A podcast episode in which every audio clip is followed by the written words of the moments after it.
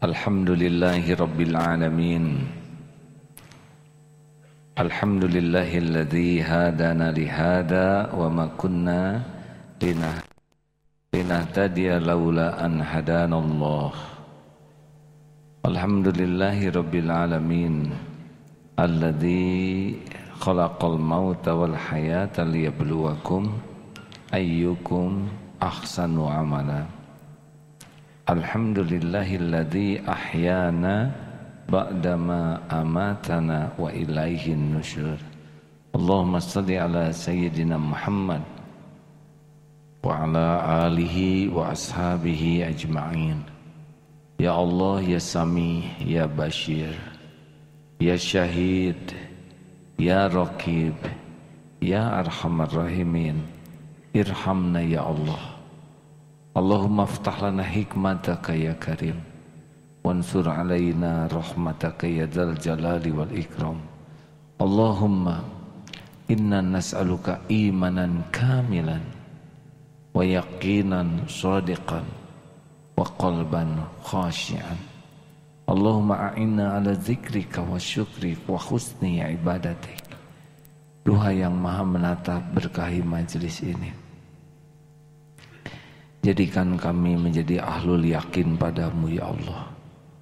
Bimbing malam ini curahkan rahmatmu. Karuniakan ilmu yang manfaat. Ujamkan keyakinan di hati kami kepadamu ya Allah. Keyakinan yang tidak meninggalkan keraguan sedikit pun. Lindungi majelis ini dari niat yang salah. Lindungi kami dari ilmu yang tiada manfaat Lindungi kami amal dari amal yang tidak engkau terima. Taqabbal minni ya arhamar rahimin. Amin ya rabbal alamin. Hadirin rugi kalau kita tidak berdoa. Karena Allah Subhanahu wa taala Maha dekat. Maha mendengar. Maha menyaksikan dan Maha mengabulkan doa. Apa yang bisa dilakukan tanpa pertolongan Allah? Tidak ada. Bicara sebanyak apa pun, kalau Allah tidak menolong, tidak ada gunanya. Tidak ada yang bisa menyampaikan kebenaran kecuali dengan tuntunan Allah. Tidak ada yang bisa memasukkan ilmu ke dalam pikiran dengan benar kecuali dengan pertolongan Allah.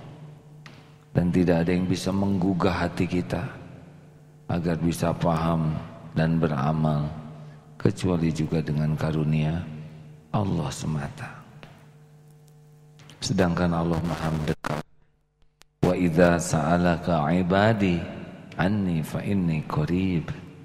Jika hamba bertanya kepadamu wahai Muhammad tentang aku, Katakanlah aku adalah dekat.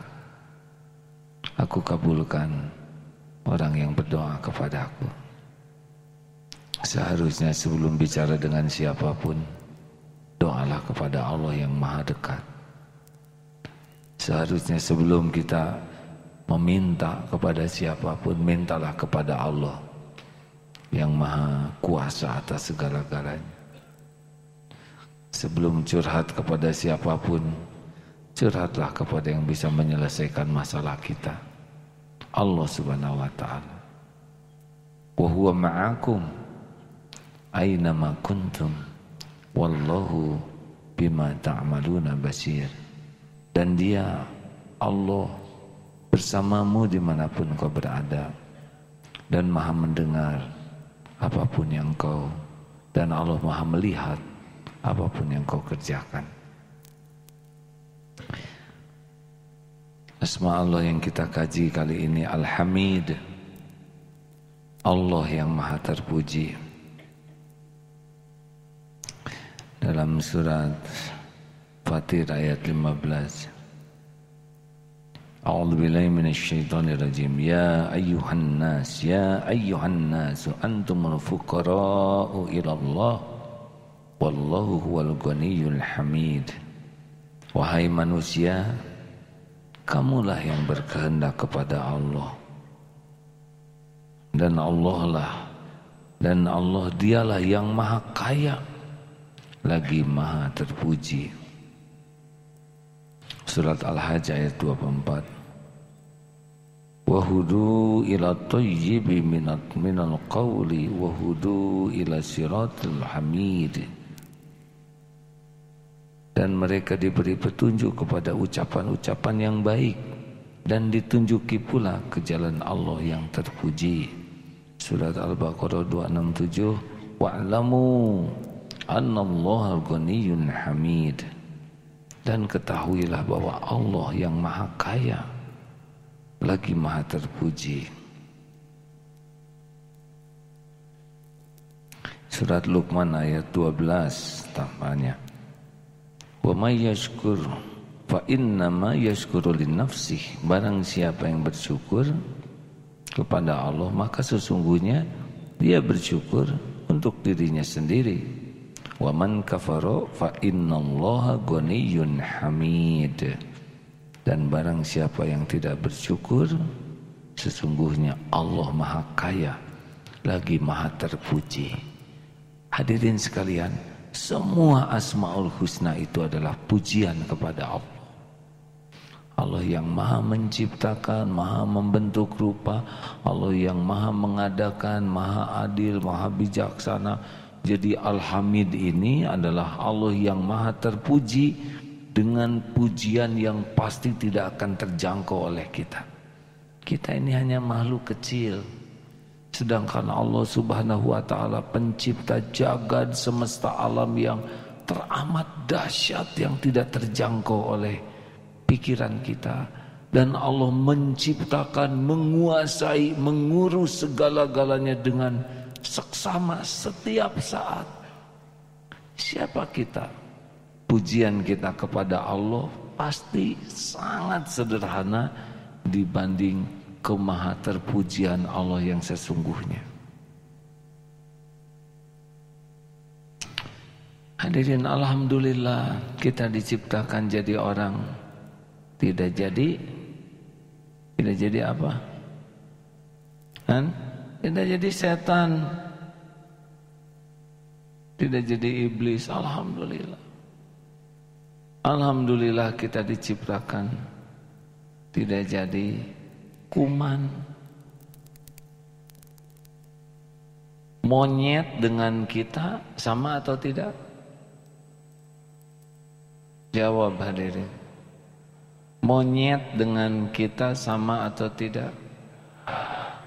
Sama. Sama-sama ciptaan Allah. Sama-sama tidak milih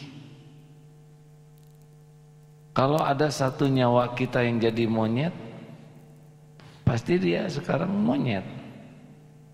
Kalau ada nyawa monyet yang diciptakan jadi kita, dia di sini. Ya. Segala puji bagi Allah yang menciptakan dan segala puji bagi Allah yang mengurus kita setiap saat. Sudah diciptakan diurus.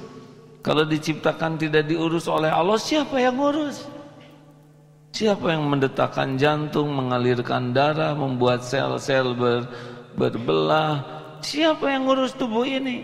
Kita ngurus, ah, mandi aja jarang. Tahu apa kita ngurus?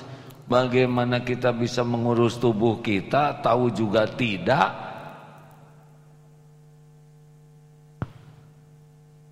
Maha suci Allah, Alhamdulillah Allah yang menciptakan, Alhamdulillah Allah yang mengurus setiap saat, Alhamdulillah Allah yang memberikan hidayah.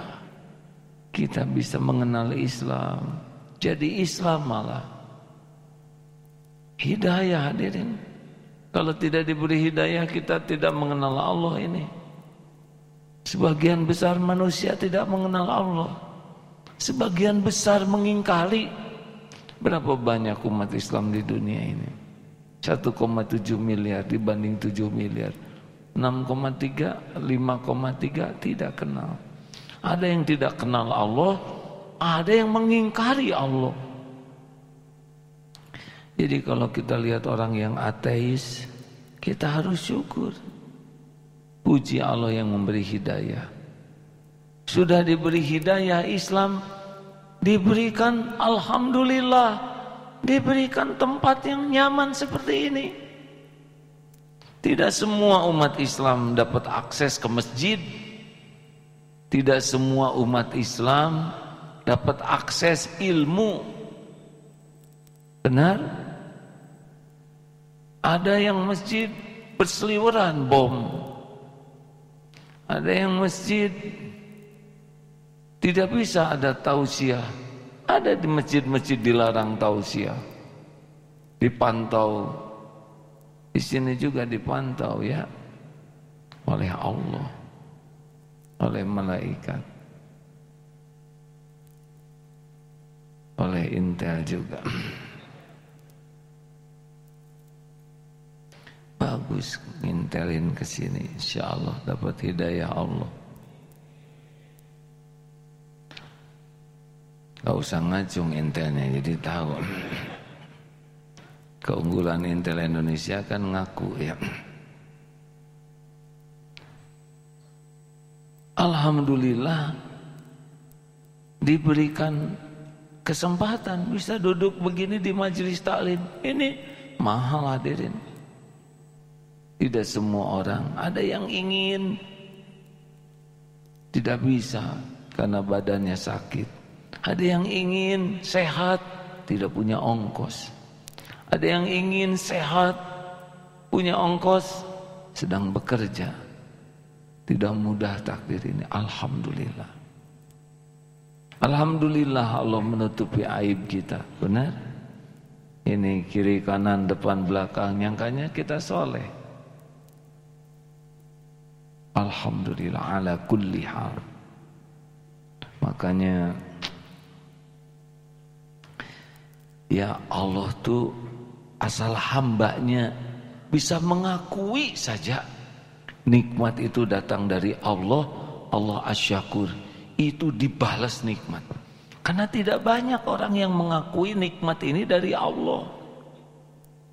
Asal kita ngaku saja, saya ini ciptaanmu ya Allah. Saya ini hambamu Saya ini diurus olehmu setiap saat Saya bisa begini juga hidayah darimu. Waduh itu dijamu tuh oleh Allah. Karena tidak banyak yang aku hamba Allah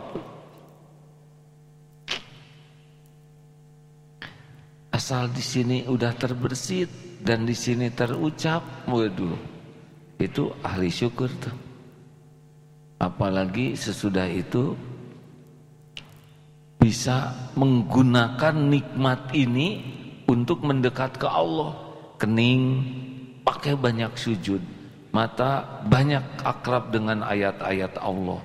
Mulut banyak menyebut nama Allah, kalimat Allah. Tubuh patuh ke Allah. Waduh dijamu. Apakah jadi orang kaya? Oh, enggak.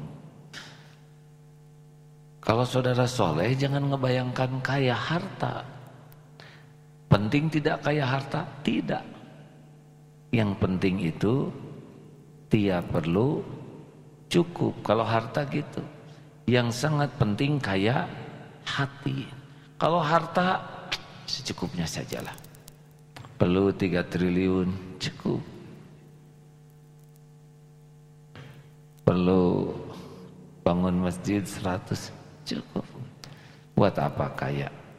Yang penting cukup. Benar?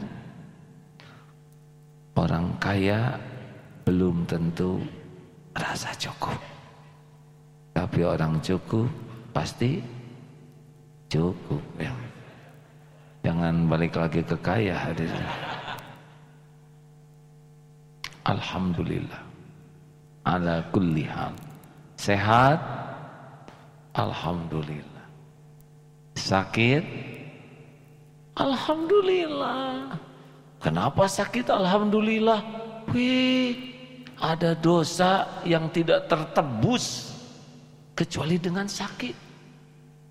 Tidak ada yang lebih menginginkan kita jadi ahli sorga selain pencipta kita, Allah. Solat kurang khusyuk, ngaji jarang, amal kurang ikhlas, dosa melimpah. Bahaya kita oleh dosa kita, benar? Istighfar nggak nyampe, sedekah sedikit, dosa seperti rumah terbakar, sedekah seperti sendok kecil. Eh, gitu.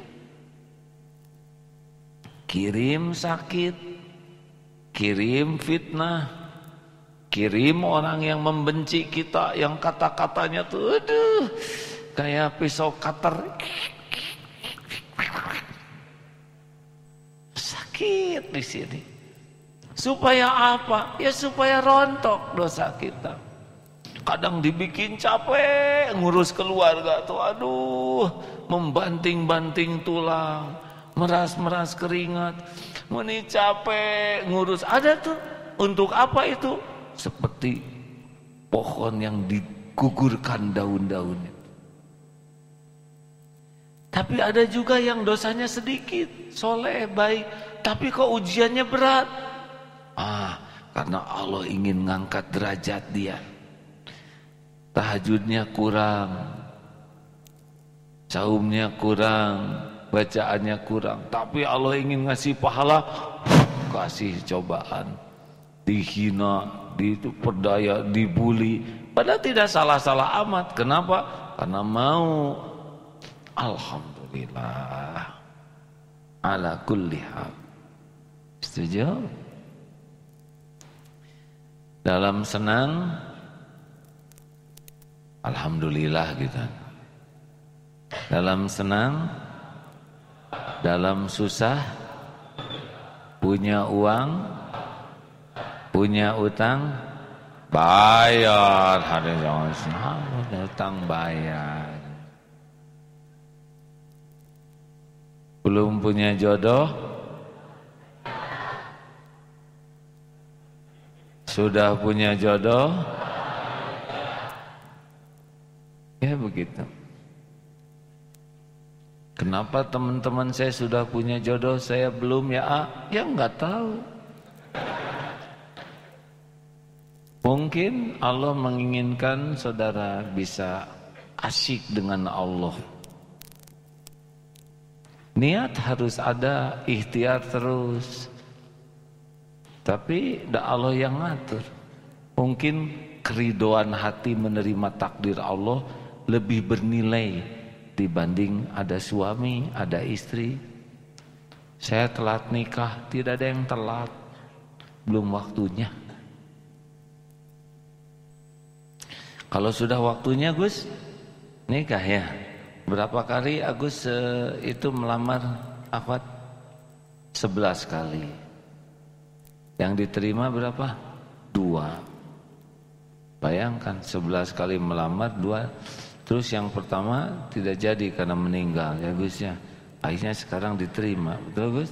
Agus dengan segala keterbatasan menurut manusia tapi tidak ada yang bisa menghalangi atau gampang tinggal dibalikin aja hati akhwat. Fall in love with Agus. Agus maksudnya mah.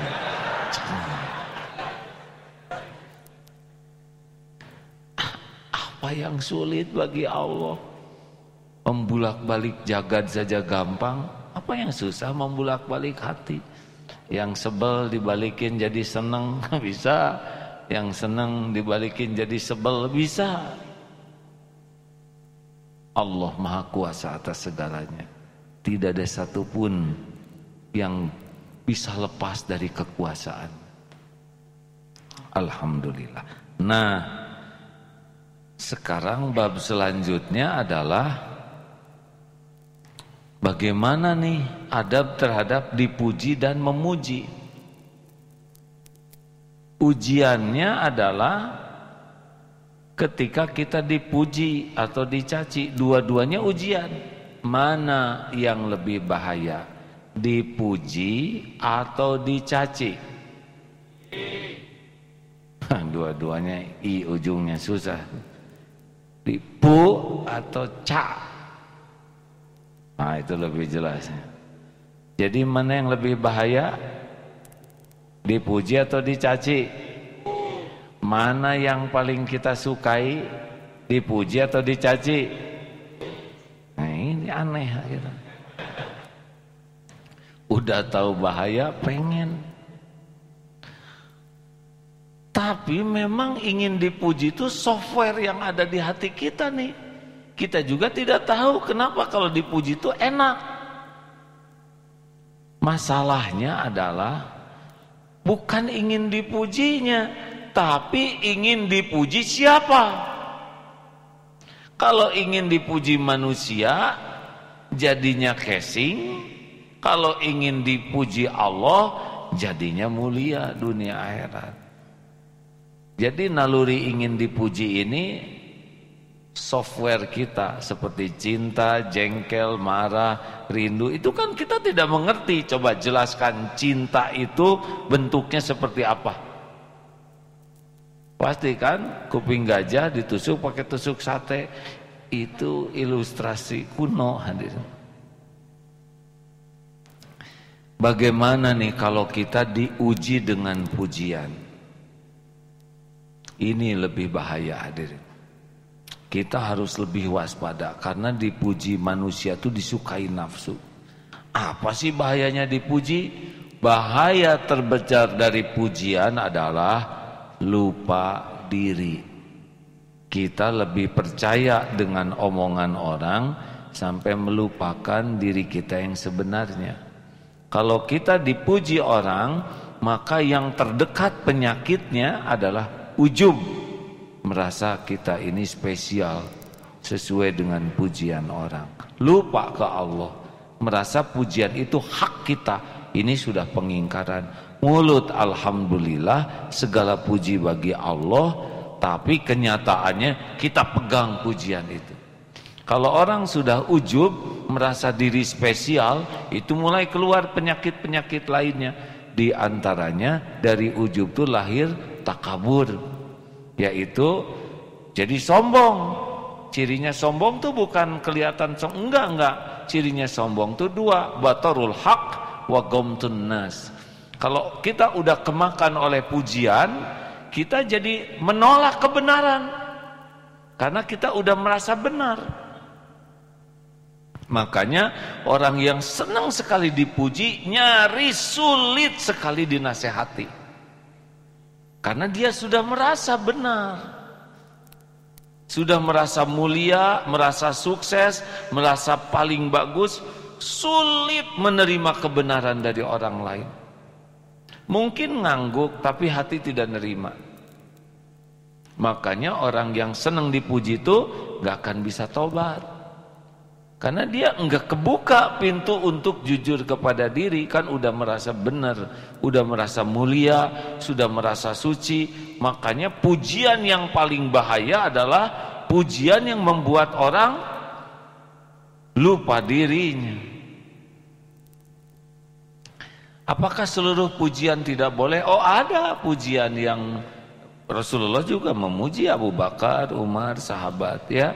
Tapi karena memang pujian itu pada tempatnya dan yang dipujinya sudah terukur tidak akan tergelincir oleh pujian itu kalau Imam Iman Abu Bakar Abu Bakar Asyidik semoga Allah ridho dibandingkan dengan manusia seluruhnya tidak akan ada yang bisa menandingi kekuatan iman memang faktanya begitu si fulan ini akan jadi ahli surga memang fakta dan sudah terukur oleh Rasulullah bahwa yang dipujinya tidak akan rusak imannya karena pujian. Balik lagi ke pujian tadi ya. Kalau kita dipuji, kita jadi membohongi diri, kita lebih percaya kepada omongan orang. Sehingga kita jadi ujub. Kemudian lahirlah takabur. Seperti iblis. Nah, iblis tuh ujub tuh merasa lebih baik e, merasa spesial sehingga ketika ada Adam dia jadi sombong tidak nerima kebenaran dari Allah adanya Nabi Adam dan merendahkan yang lain merendahkan Adam dibanding dirinya makanya orang yang senang sekali dipuji itu ah, susah diajak diberi nasihatnya susah diberi masukan susah, diberikan ya begitu penyakit penyakit orang yang senang dipuji itu udah ngapung saja dia versinya sendiri. Apalagi sesudah itu, nah sesudah itu jadilah penyakit lainnya munafik. Mulai senang karena enak dipuji itu ya.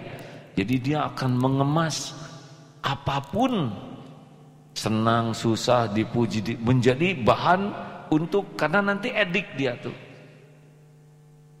Jadinya dia tuh senang sekali membangun casing supaya orang tetap mengaguminya, memujinya, memberikan eh, kata-kata uh, yang wah terus dia akan menikmati apa pun nanti dia lakukan.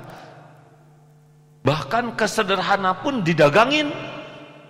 Mungkin nanti pakai baju sederhana, pakai sendal sederhana agar aduh itu mah zuhud, toel, senang.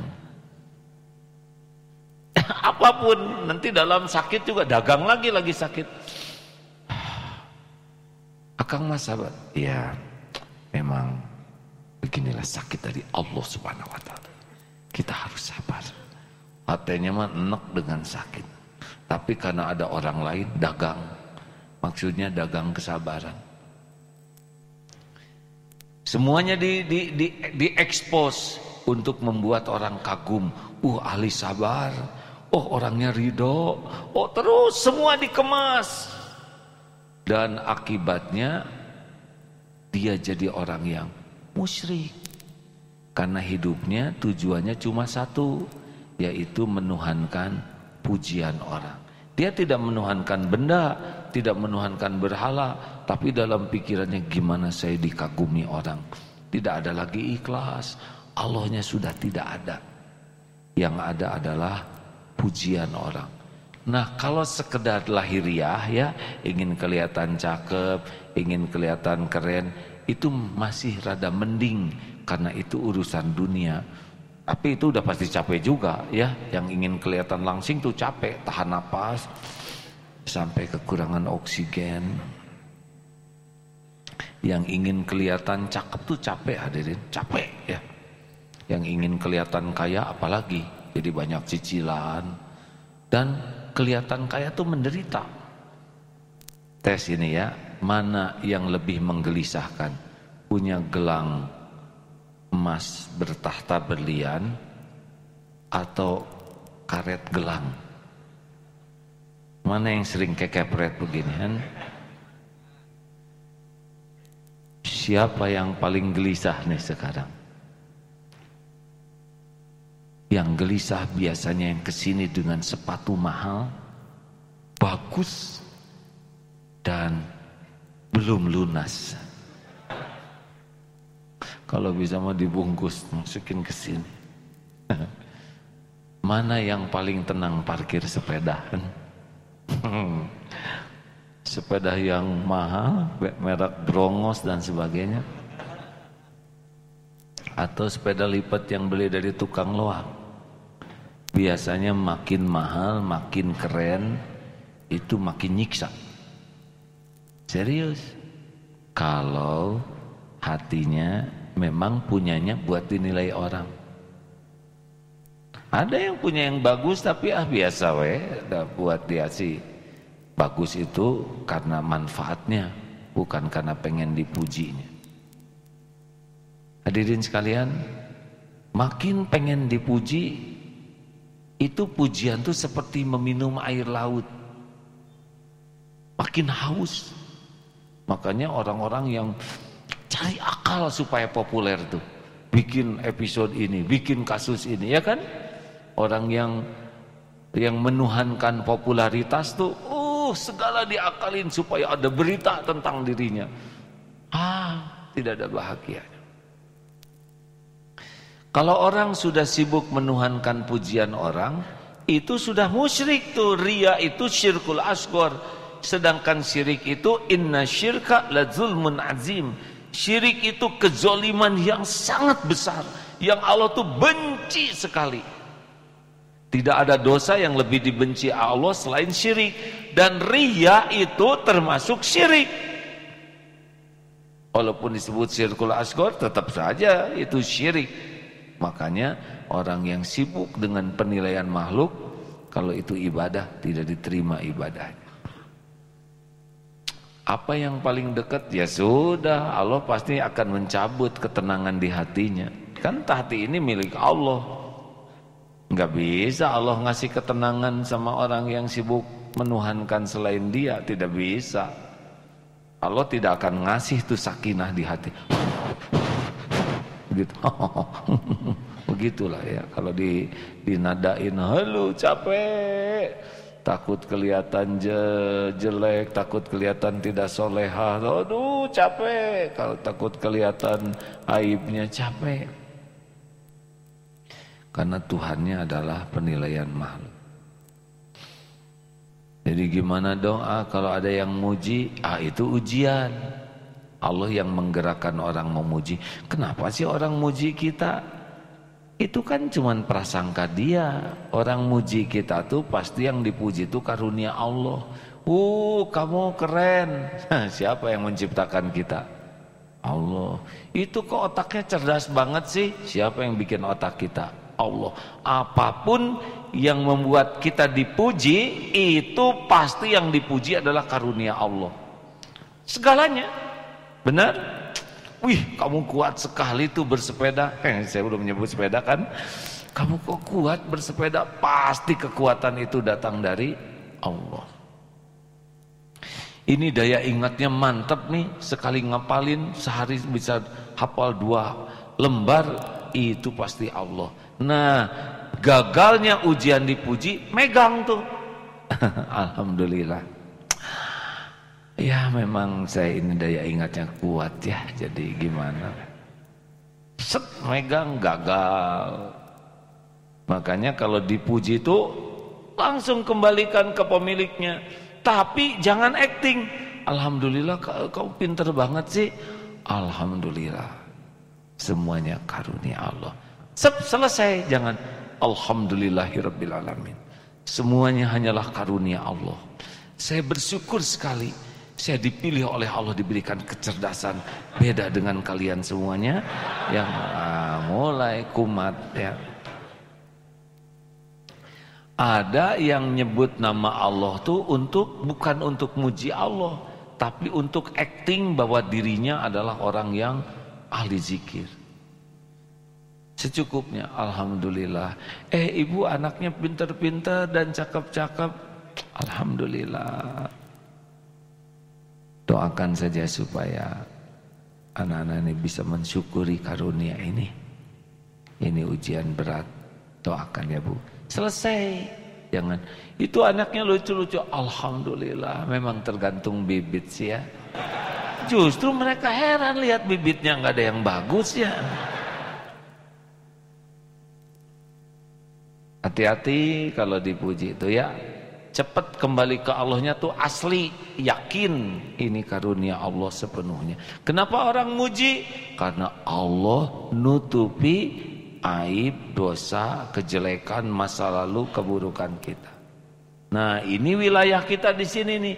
Ketika orang muji, kita yakin ini orang muji digerakkan Allah memuji kita untuk menunjukkan tutup dari Allah. Nah, makanya kalau dipuji itu istighfar ya Allah. Gimana doanya? Saya juga belum hafal astagfirullah. Pada sering dipuji nih. Harusnya saya ngapalin ini, maaf ya. Siapa yang hafal pujian doa menghadapi pujian dari Abu Bakar ini ya? Nih. Yang pendeknya ya. Allahumma ja'alni khairum mimma Ya Zunnun Ya Allah Allahumma ja'alni jadikan diriku ini lebih baik daripada apa yang mereka prasangkakan ya.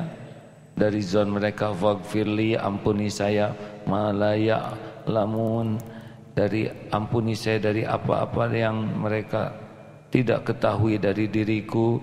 Wala tu'akhidni bima yakulun. Dan dan jangan siksa diriku dengan perkataan-perkataan yang mereka ucapkan. Gara-gara mereka ngomong kita jadi megang jadi dosa kan? Cobalah hafalkan. Saya juga mau ngapalin nanti ya.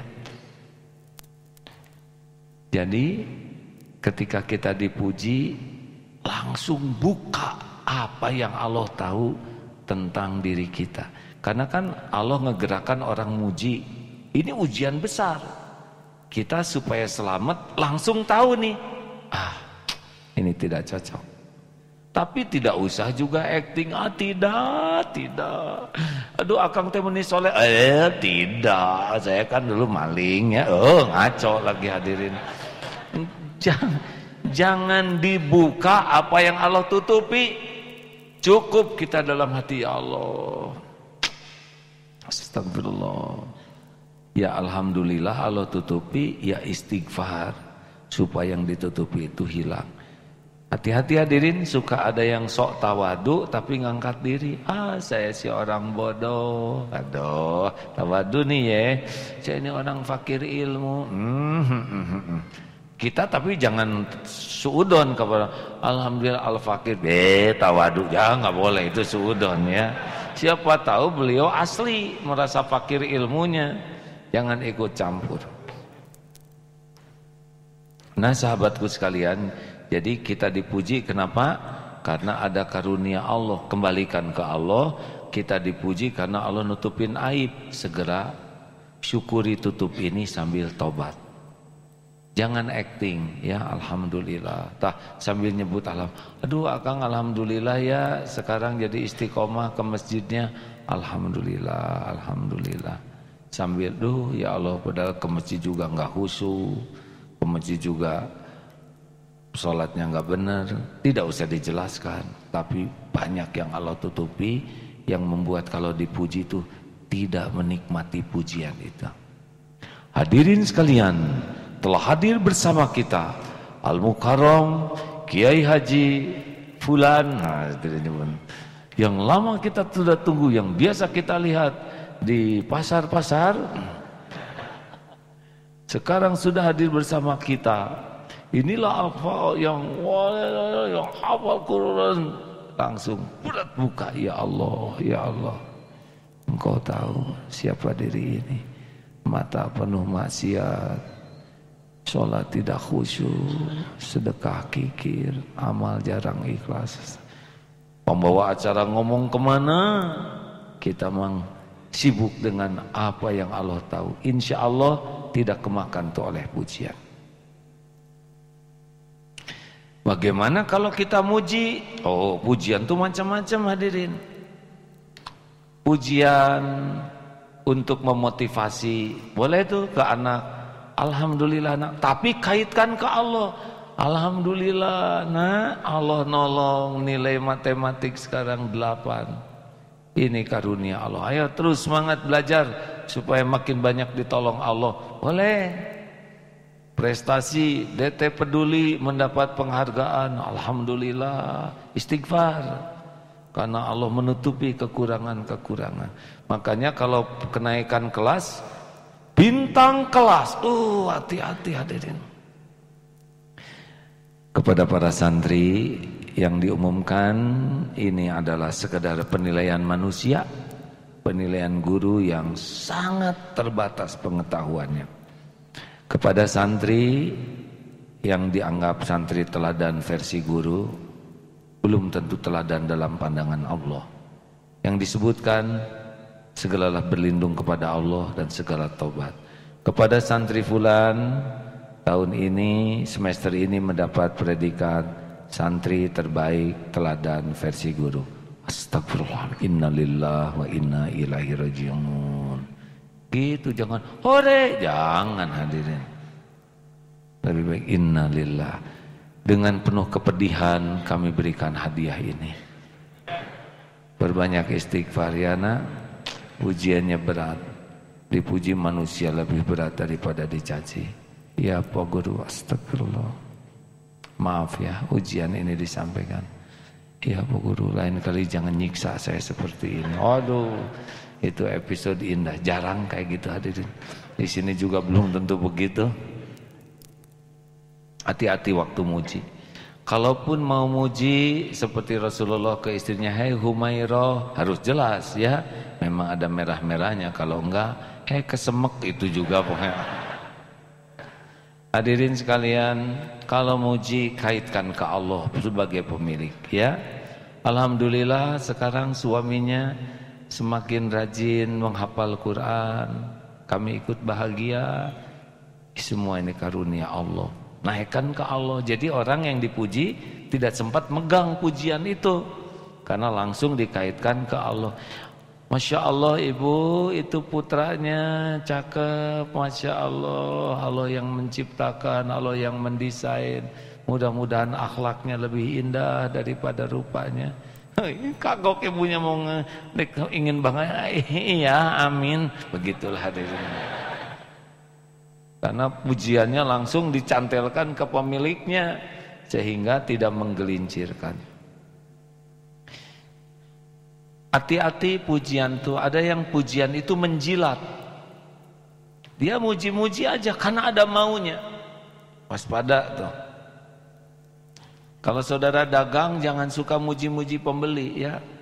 Ibu yang solehah, Masya Allah Makin hari makin muda Sekarang seperti anak SMP Kurang ajar hadir menghina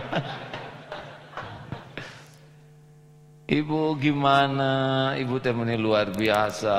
Sok ini barang baru Dipuji. Nah giliran gak jadi beli Ada ah, satu bangka. Peot mah peot we. Oh, dosa. Ini menjilat ya. Ada pujian menjilat. Uh itu paling haram ya. Dia memuji karena dia ingin sesuatu dari yang dipuji. Yang rendahnya ingin ditraktir atau ingin naik pangkat yang bahayanya. Terus menjilat ah ini paling bahaya. Ada juga yang memujinya itu berlebihan dan pujian paling bahaya adalah kalau ke wilayah keimanan. Misal begini uh ini mah calon ahli sorga. Nah itu bahaya. Ini memeni kuat iman teh. Ini akhlak teh ciri-ciri kolbun salim kalau sudah memuji berlebihan dan memasuki ini bisa membuat orang tertipu oleh pujian ini ah, inilah ambil pasir karena dia sudah menyembelih kalau menurut Rasulullah makanya batasilah memuji yang berlebihan. Gimana menurutmu orang itu baik tidak? Wah menurut saya itu orangnya baik, soleh, hati-hati. Tidak boleh gitu. Sepengetahuan saya, saya pernah jumpa di masjid dua kali ada di saat pertama. Lalu pada waktu saya malam-malam ke masjid juga, saya pernah lihat di pojok sedang baca Quran. Lalu ketika saya mau keluar dari masjid suatu saat sore-sore kelihatan lagi gosek toilet. Itu yang saya tahu. Ah, gitu saja. Karena kita tidak tahu yang lainnya, benar? Jangan aduh itu mah. Makrifat tahu dari mana? Jelas hadirin sekalian? Apalagi kalau merujuk dari Umar bin Khattab ada yang, wah orang itu orang baik. Umar bin Khattab bertanya, apakah engkau pernah safar bersamanya? Oh, tidak.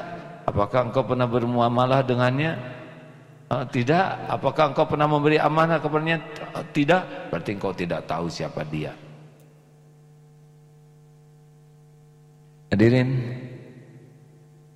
kita simak hadisnya ya. Tafadhol Ustaz.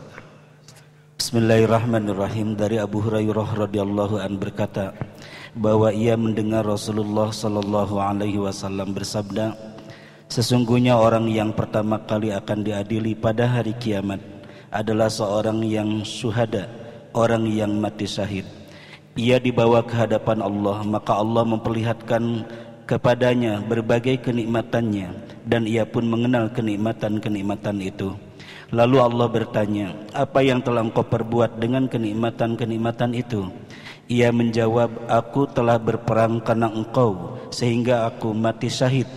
Allah subhanahu wa ta'ala berfirman, kamu dusta, kamu berperang bukan karena aku, tetapi kamu berperang karena ingin disebut pahlawan, dan kamu telah diberi sebutan itu.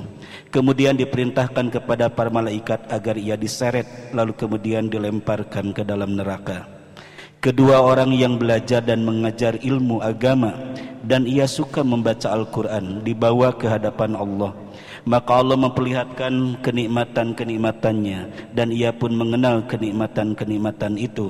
Lalu Allah bertanya, apa yang telah engkau perbuat dengan nikmat-nikmat itu? Ia menjawab, saya telah belajar dan mengajar ilmu serta membaca Al-Quran karena engkau. Allah berfirman, kamu dusta.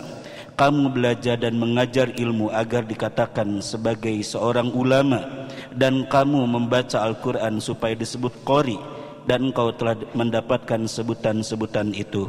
Kemudian diperintahkan kepada para malaikat agar diseret orang itu lalu kemudian dilemparkan ke dalam neraka.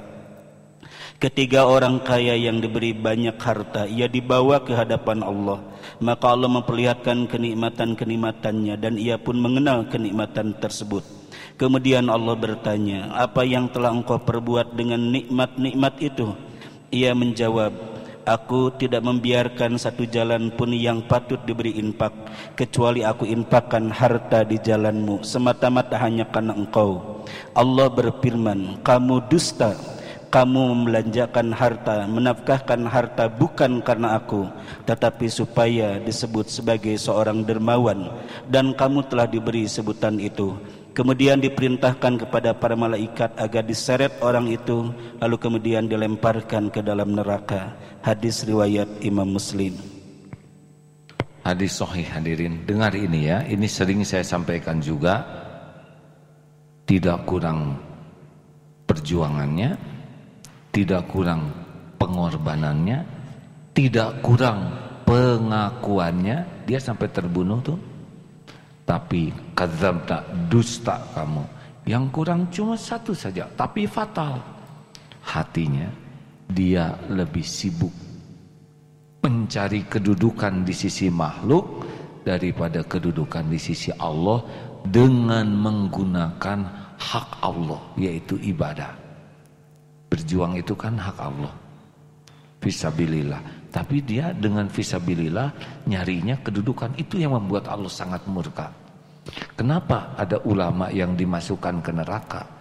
Karena dia menggunakan hak Allah, ilmu agama, berdakwah, baca Quran, ngajar Quran. Tapi tujuannya satu, yaitu mencari kedudukan. Ingin disebut ulama, kiai, dai kondang, mubalik terkenal, ingin disebut kori, koriah, hafiz, hafizoh, dan cari kedudukan. Dan itu fatal hadirin. Itulah sebabnya jangan main-main dengan amalan hak Allah untuk cari kedudukan di sisi manusia, termasuk dermawan. Jadi maaf hadirin ya, ada orang awam agama, ada ulama ini beda ini. Kenerakanya lebih dekat ulama kalau dia menggunakan keulamaannya, ilmu agamanya, cari kedudukan di sisi makhluk. Kalau orang awam tidak ngerti ilmunya, tidak pernah ngajak orang lain, itu beda hitungannya di sisi Allah dibanding dengan orang yang belajar agama dan mengajarkan agama seakan-akan benar tapi ternyata tujuannya bukan Allah. Dia cari ini murka Allah tuh. Dan benar-benar neraka itu bahayanya. Di akhirat tuh Pak yang ceramah seperti ini tapi tidak mengamalkan ini ususnya tuh terburai. Terus muter terus siksaannya begitu. Dan ini benar hadirin. Jadi bukan sesuatu yang remeh ini. Termasuk kori koriah hafiz hafizoh tuh Nauzubillah akan ada yang masuk neraka kalau dia lebih sibuk mencari penilaian makhluk daripada bacaannya ingin diterima Allah. Ah kalau gitu saya mengakan belajar agama apalagi gak ngerti apa-apa.